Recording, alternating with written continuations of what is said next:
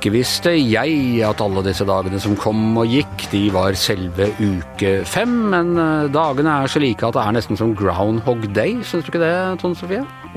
jo, når du sier det. Men det var jo ikke helt lik dag i dag, da. Nei, det var ikke det. Det var en annerledes dag.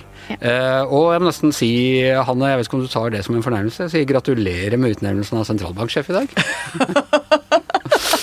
jeg er ikke, tar ikke som en fornærmelse, men jeg er kanskje ikke helt riktig adressat for den gratulasjonen. Nei.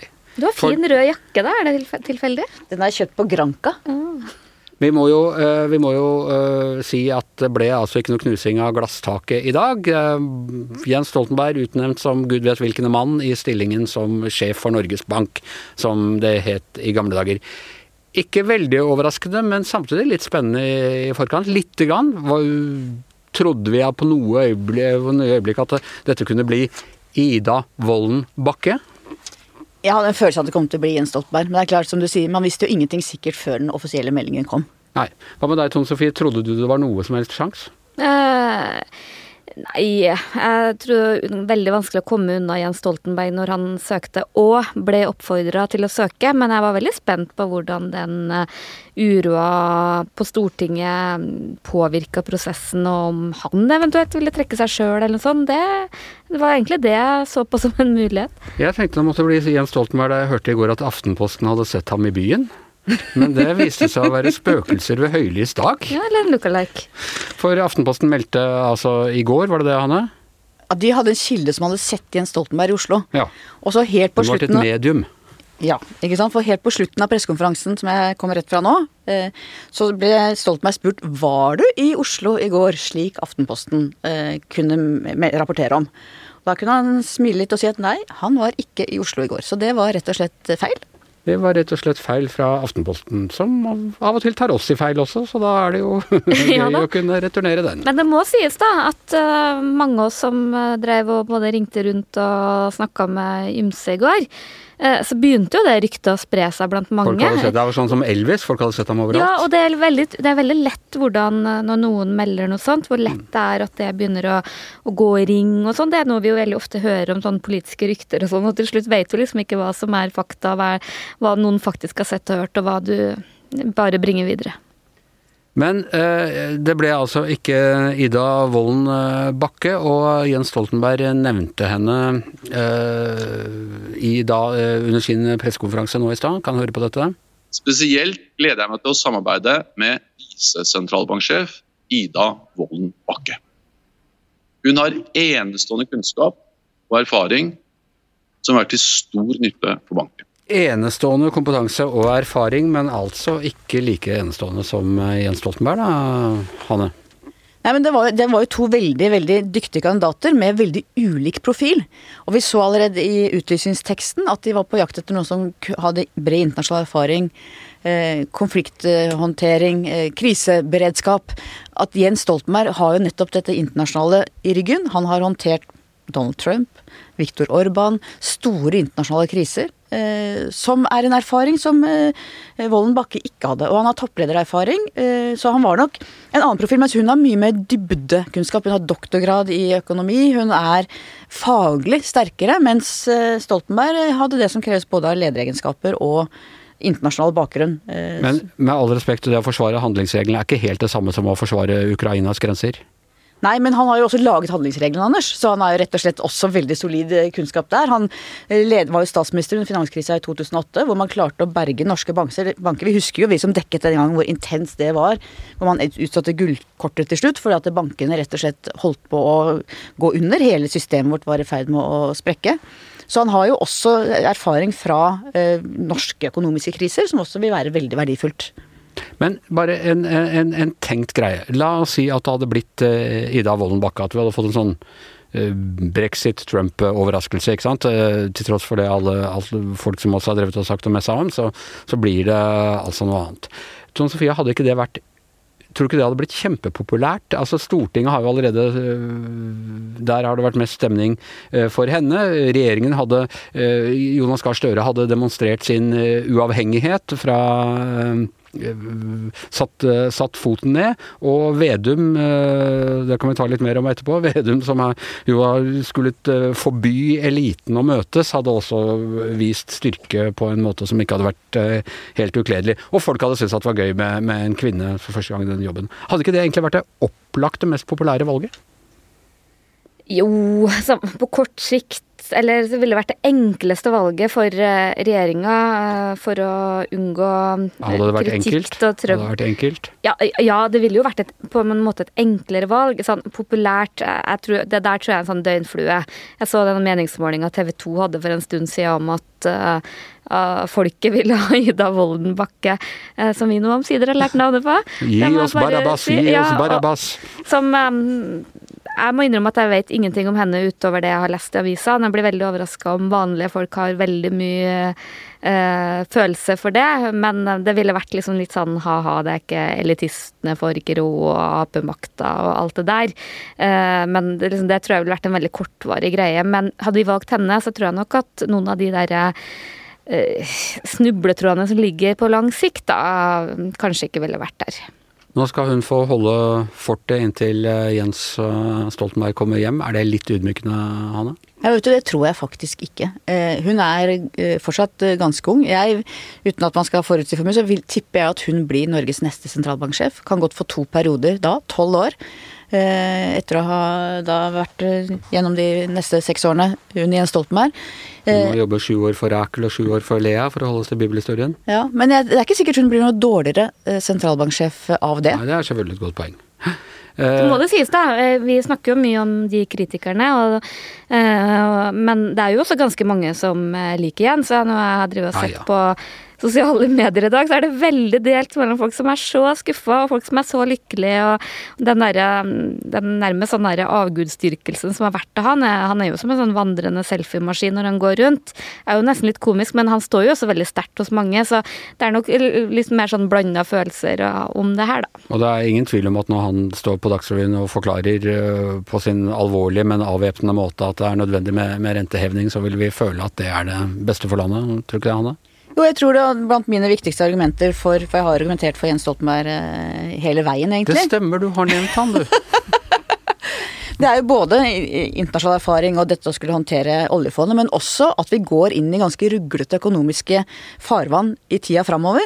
Og det å ha en sentralbanksjef som da har, har autoritet og tyngde både innen det politiske miljøet og også overfor folk flest når det gjelder å forklare upopulære rentebeslutninger, f.eks. Det tenker jeg vil ha en egenverdi, for det er eh, det er ganske urolige tider, både politisk og økonomisk rundt om i verden akkurat nå. Ja, og ingen vil finne på å si at dette er en sånn uh, utnevnelse fordi han ikke er at han ikke er kompetent. Det er ikke nepotisme eller det er ikke sånn uh, må ansette sine udugelige nevøer, liksom. Det er helt klart en, en, en, meget kvali, kvalifisert søker. Det er klart at det kan jo ikke være sånn at det at du har hatt viktige, tunge posisjoner som har si, gjort deg til en del av eliten, skal diskvalifisere deg fra å få nye, viktige posisjoner. Da blir det jo feil. Nei, og nettopp det. altså Ida Wolden Bakke må jo også sies å tilhøre den, den, norske eliten, hvordan man snur og vender på det. Jeg må sitere her fra altså Vi husker jo for to år siden, og da Hanne, var jo du veldig kritisk til at Nicolai Tangen skulle bli, eh, eh bli leder for oljefondet. Ja. Eh, fordi? Eh, fordi at han hadde med seg et svært privat fond. Vi hadde ikke den nødvendige tryggheten for at hans økonomiske disposisjoner på vegne av oljefondet skulle være i strid med, eller skulle, at han skulle ta hensyn til sin egen store private mange milliarder formue, eh, som er økonomisk vinning. Eh, som er noe annet enn eh, at man har et helt åpent partimedlemskap i Arbeiderpartiet og et åpent vennskap med sentrale politikere, som er situasjonen her. Og En annen som var kritisk eh, til dette, det var eh, Trygve Slagsvold Vedum. Han lovet da på den tiden strenge regler, jeg henviser her til Klassekampen fra 2. mai 2020, eh, strenge regler mot å mingle med eliten med Senterpartiet i regjering. Tangen-saken viser en skremmende avstand mellom folk og elitene, sier han. I dag er det altså han som har gleden av å utpeke Jens Stoltenberg, en mann det har vært gjort mye ut av, har vært i middag med Tangen etter at han ble ble oljefondsjef. Hjemme hos Knut Brundtland, sønn av uh, tidligere statsminister Gro Harlem Brundtland. Hvordan tror du dette vil virke inn på Senterpartiets velgere og deres troverdighet etter to-tre år med dette her uh, elitekjøret deres, Tone Sofie? Han sa heldigvis ikke noen ting om at det ikke var lov å ansette noen i eliten, da. Det Men de skal ikke ha lov å mingle. Men den middagen skulle vært, mingla. De har jo mingla. Det er jo Ja. Nei, eh, vanskelig å si. Jeg, jeg tror nok at, eh, at det her nok ikke har vært noe enkel sak for eh, Senterpartiet. Og jeg tror nok at man har eh, gått noen eh, runder med seg sjøl, for det er jo Vedum som eh, formelt eh, er ansvarlig for den eh, utnevnelsen her. Både fordi Støre er inhabil, men også fordi det ligger til eh, eh, finansministeren. Men enda mer pga. den habili- inhabiliteten til Han har eh, sine over hele denne saken. Absolutt. Og sjøl om eh, jeg betviler ikke at eh, Vedum eh, mener at Stoltenberg er det beste valget, som han jo sier ut fra den der eh, helhetsvurderinga. Men jeg, jeg, jeg tror jeg ville vedda en god flaske vin på at hvis Vedum hadde vært i opposisjon, så ville han nok uh, ha, sannsynligvis ha ment noe annet. Og så, er det, så vet vi ikke hvordan det her spiller seg ut. Om det her vil roe seg ganske fort. Uh, tror jo Stoltenberg i jobben vil helt sikkert eh, til tillit.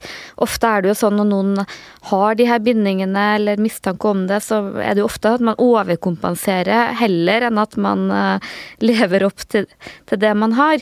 Uh, Utfordringa hans er jo at hvis et eller annet skjer, eller det, det her virkelig liksom begynner å koke på et eller annet vis, så er det jo liksom svart på hvitt at dette er en Vedum-utnevnelse. Litt på samme måte som disse kraftkablene som er vanskelig å, å komme unna uansett hvor god retoriker du er, fordi det er på papiret du som har igangsatt det når du har styra det departementet. Det er Rødt som vil tjene på dette.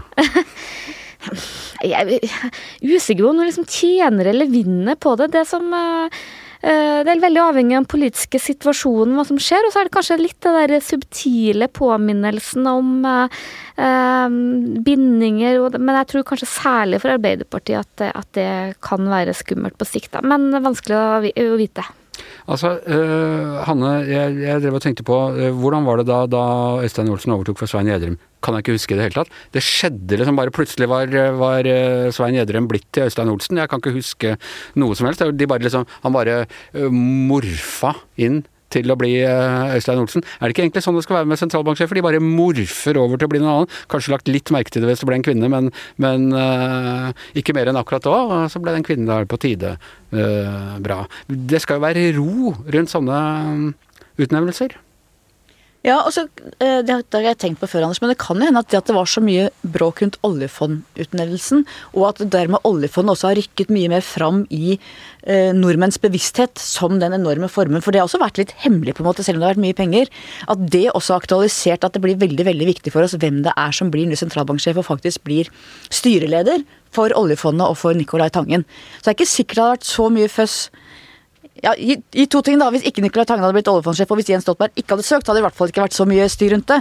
Men det hadde kanskje vært mindre styr også med Jens Stoltenberg som søker, dersom vi ikke hadde hatt hele forspillet med Nicolai Tangen. Men for å være bitte lite grann mediekritisk, er det ikke vi eh, medier som, som gjør dette da mer og mer til et altså grenser mot et type realityshow, liksom? At vi, vi setter opp kandidater og, og, og skaper en sånn eh, omtrent sånn eh, Kjendisfarmen-ramme rundt, rundt det hele. Rundt ting som egentlig ikke burde være sånn. Hvor altså faktisk eliten, og da mener jeg den ordentlige eliten, den, altså de som er eh, styrer eh, og ikke nødvendigvis hele tiden er eh, i front eh, foran kamera, slik som Ida Wolden Bakke. i, i, i, ro og fred kan, kan treffe de riktige beslutningene. Nå har jo dette vært, det, det at Jens Stoltenberg ble utnevnt i dag, viser jo at det har vært den der grundige, litt sånn saktmodige prosessen med embetsverket i Finansdepartementet. Man har ikke lagt vekt på eh, den offentlige debatten eller eh, politisk opposisjon eller den type ting. Eh, De, de, altså, Embetsverket er går jo til og fra jobb og har PC og iPhone og får push-varsler. Altså, jeg var på do her i stad, så kom push-varsel om at uh, Jens Stoltenberg takket for tilliten og, og var, var ydmyk. Altså, du, du kan ikke rømme unna denne, dette showet. Nei, men Det er to måter å det på. da. Det ene er at ja, det bør foregå i det stille med bare én kandidat som ble bedt om å søke, som det alltid har vært. Det har aldri vært flere enn én egentlig reell kandidat på noen av disse søkelistene opp gjennom alle de år. Mens nå har vi hatt to kandidater som har vært veldig kvalifiserte. Vi har hatt en bred offentlig debatt om det, hvor alle sider har vært vurdert. Både habilitet, uavhengighet, egnethet, hva kreves for jobben, hva kreves for å styre oljefondet, hva, hvordan foregår en rensefastsettelse. At det kanskje har blitt enda mer opplysning om rundt dette faktisk fungerer. Jeg tror ikke det er så gærent med offentlig debatt. Hva tenker du, Tone Sofie? Nei, Jeg tror det er sunt at det har vært uh, mye medieoppmerksomhet uh, rundt det. For veldig mye av uh, problemstillingene har jo blitt grundig diskutert. Og det er jo noe av det jeg syns har vært det positive òg med prosessen, er at man har stått på en søkeliste. Så er jo det jeg lurer litt sånn på, da, som vil komme opp, er liksom hvor reelt har det vært?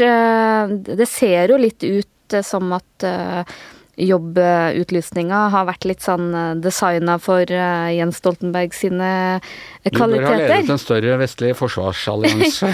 ja, omtrent. Og, og, det andre er jo, og det, og det, og det kan være det gode grunner for at det er sånn, men jeg, jeg skulle gjerne visst hvem det var som ikke hvem som ringte til Jens Stoltenberg og ba han om å søke, det regner jeg med er noen i Finansdepartementet. Men om det på en eller annen måte har vært uh, klarert med noen. Kan ikke bare se for meg at det er en byråkrat som bare gjør det helt for egen maskin uten at noen i systemet tenker at det er greit, da. For det, mm, det har jo virka som en uh, Uh, selv om det ser ut som en åpen prosess, er det så to vidt forskjellige kandidater at det virker rart på meg at man skulle sitte liksom sånn og veid de to opp mot hverandre helt inn til sluttstreken. Det virker på meg som at man har visst hva man ville hatt, og, og fått det, da. Venstre vil ha granskning. Blir det noe av det, tror du?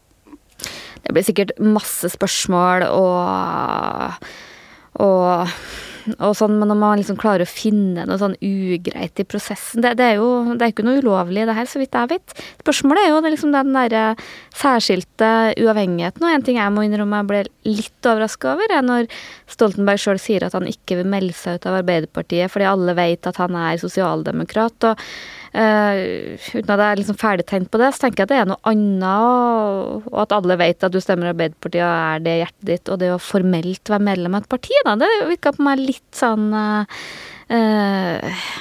Ja, kanskje litt rart. Høyre skal tale opp i spørretimen. Petter Frølich, hva tror du kommer ut av det, Hanne?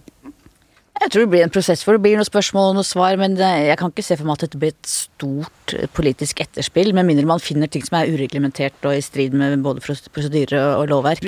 Men altså, det at Jens Stoltenberg er såpass kjent, er såpass populær, er en fyr man Selvskreven gjest til Nytt på Nytt og, og Anne Lindmo og her og overalt. Vil det, tror du, påvirke rollen som uh, sentralbanksjef? Synligheten hans? At han vil bli liksom, tvunget til å være mer, eller presset eller ønsket om å, om å være mer synlig enn uh, sine forgjengere?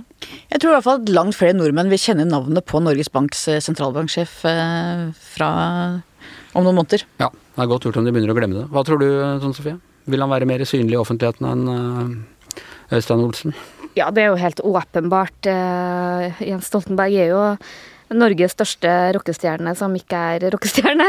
Han er vel større enn de òg, uh, så han vil helt sikkert få Ja, Vi har ikke noen få... sånne rockestjerner i Norge som er, er større. Det må også ha vært Jahn Teigen. Han er, han er død. Ja. det, nei, og han er jo en god formidler, og og, det, og det har jo f.eks. ikke vært Øystein Olsen sin eh, store styrke, eh, så jeg tror nok at det vil bli langt større oppmerksomhet rundt disse talene. Og, og sånn så er det jo veldig interessant den tida vi sannsynligvis går inn i med renteøkninger. Han slipper vel unna de første av dem, da, men eh, og, og nye økonomiske tider. Og det er jo der liksom folk er liksom bekymra, eller folk er vel ikke bekymra, men opposisjonen har stilt spørsmålet om eh, Kommer liksom Jonas til å hviske i øret til Jens at å nei, nå er det snart valg, du må ikke øke renta, liksom. Det er jo den type ting som man er bekymra bekymret for, at liksom man ikke klarer den uavhengigheten, da. Det er jo og i hvilken grad det liksom i realiteten vil bli en, en bekymring eller noe sånt, det syns jeg helt, virker helt sånn umulig å spå, da. Og Jonas, er, hva tenker han? Ja, det hadde jo vært veldig morsomt å visst, men eh, jeg har eh, veldig vanskelig for å se at han har eh, noe, noe som helst eh, fordel av det her. Hvis noen liksom tror at dette er Jonas sin store drøm å få makt over banken, så tror jeg ikke det. Jeg tror For det første så har han problemer nok med sin regjering og har liksom den her mistanken da, som en del kan ha om samrøre og sånn, det tror jeg ikke er bra for han.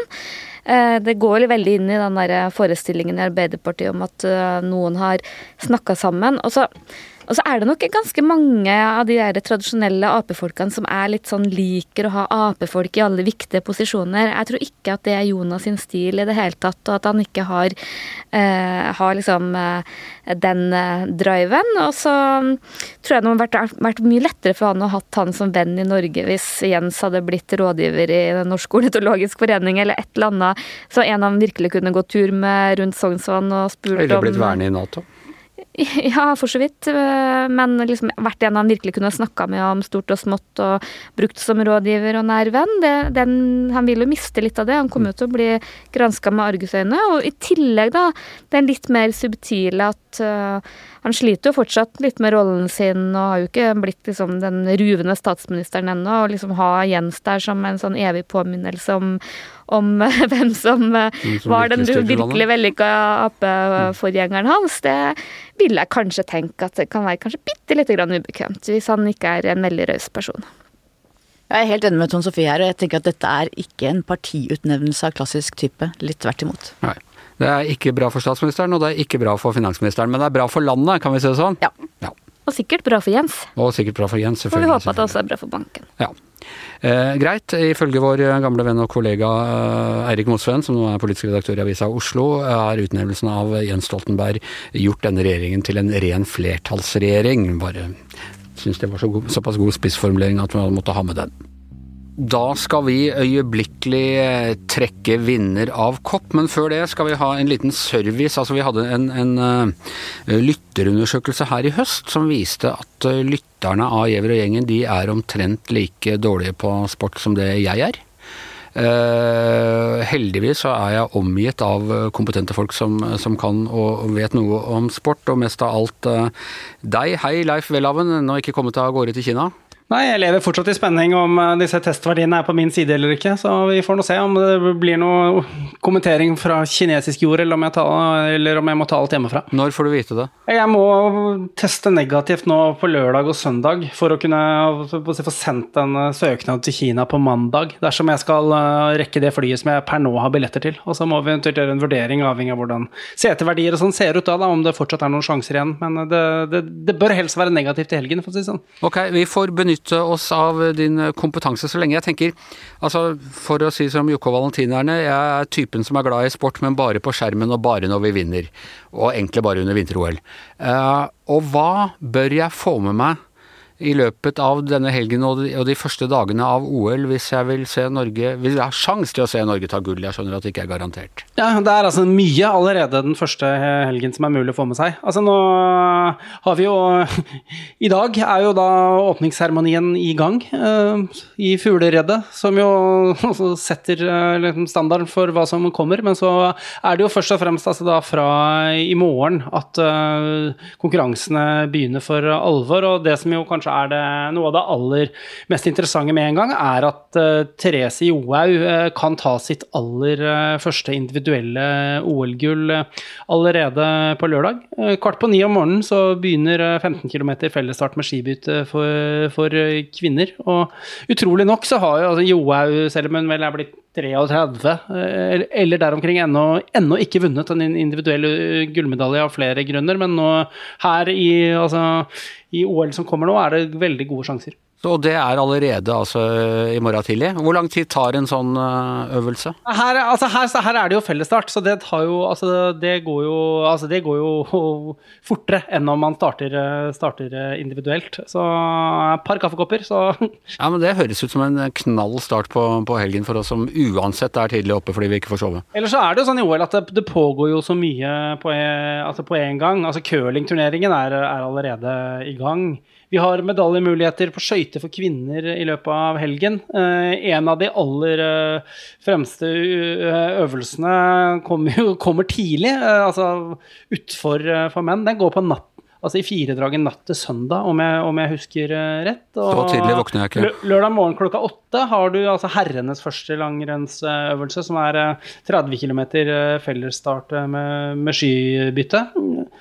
Og vi er i gang med altså Snowboard skal i gang, eh, hopperne skal ha normalbakke på søndag. Det er mye. Det er eh, rett og slett mange muligheter eh, allerede, allerede tidlig. Kan, rett over helgen kan vi få eh, et mulig gull i, i snowboard. Men du, ok, ja, men jeg, jeg har notert meg, jeg vil se Johaug, det er altså 8.45. Hvilken kanal? Eh, Det er blitt veldig uoversiktlig med disse vintersportsrettighetene med hvem som, har, hvem som har hva, men nå som vi har altså kommet eh, til OL, så er det altså Discovery-systemet. Som jo da også eier TV Norge, som er, eh, som er hjemmet til OL på TV.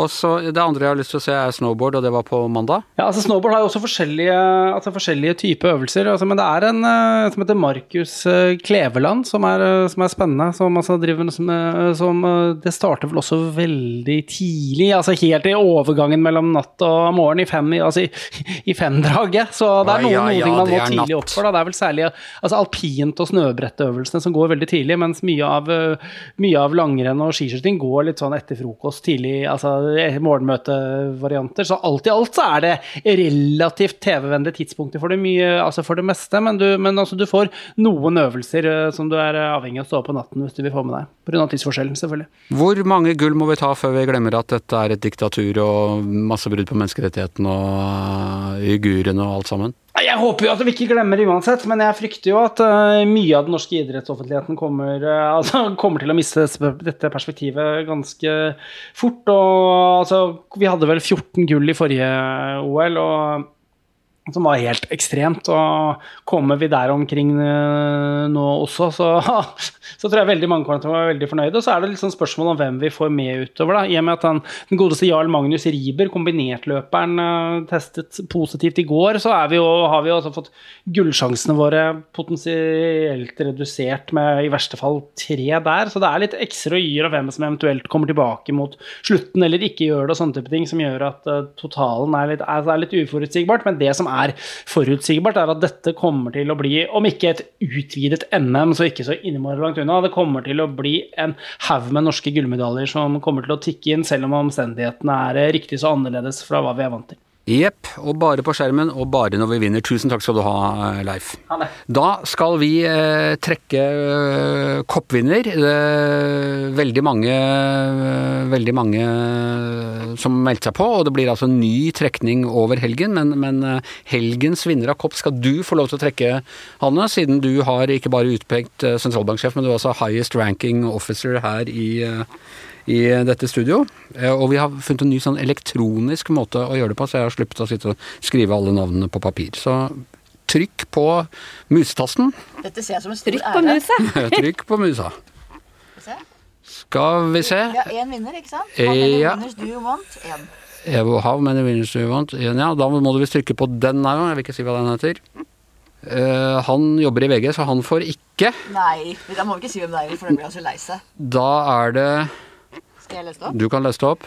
Vinneren er altså Kristin Haaland.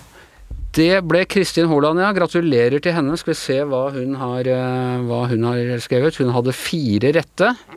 Eh, Men alle her er, det jo, her er det jo det viktigste å delta. Hun var en av de aller første som, eh, som meldte seg på. Så det var slett ikke verst. Gratulerer til deg, Kristin Haaland. Send oss adressen din, så skal vi sende deg kopp.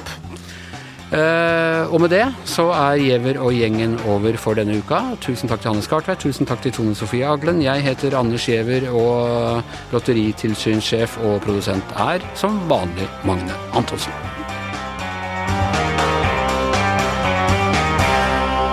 Du har hørt en podkast fra VG. Ansvarlig redaktør, Gard Steiro.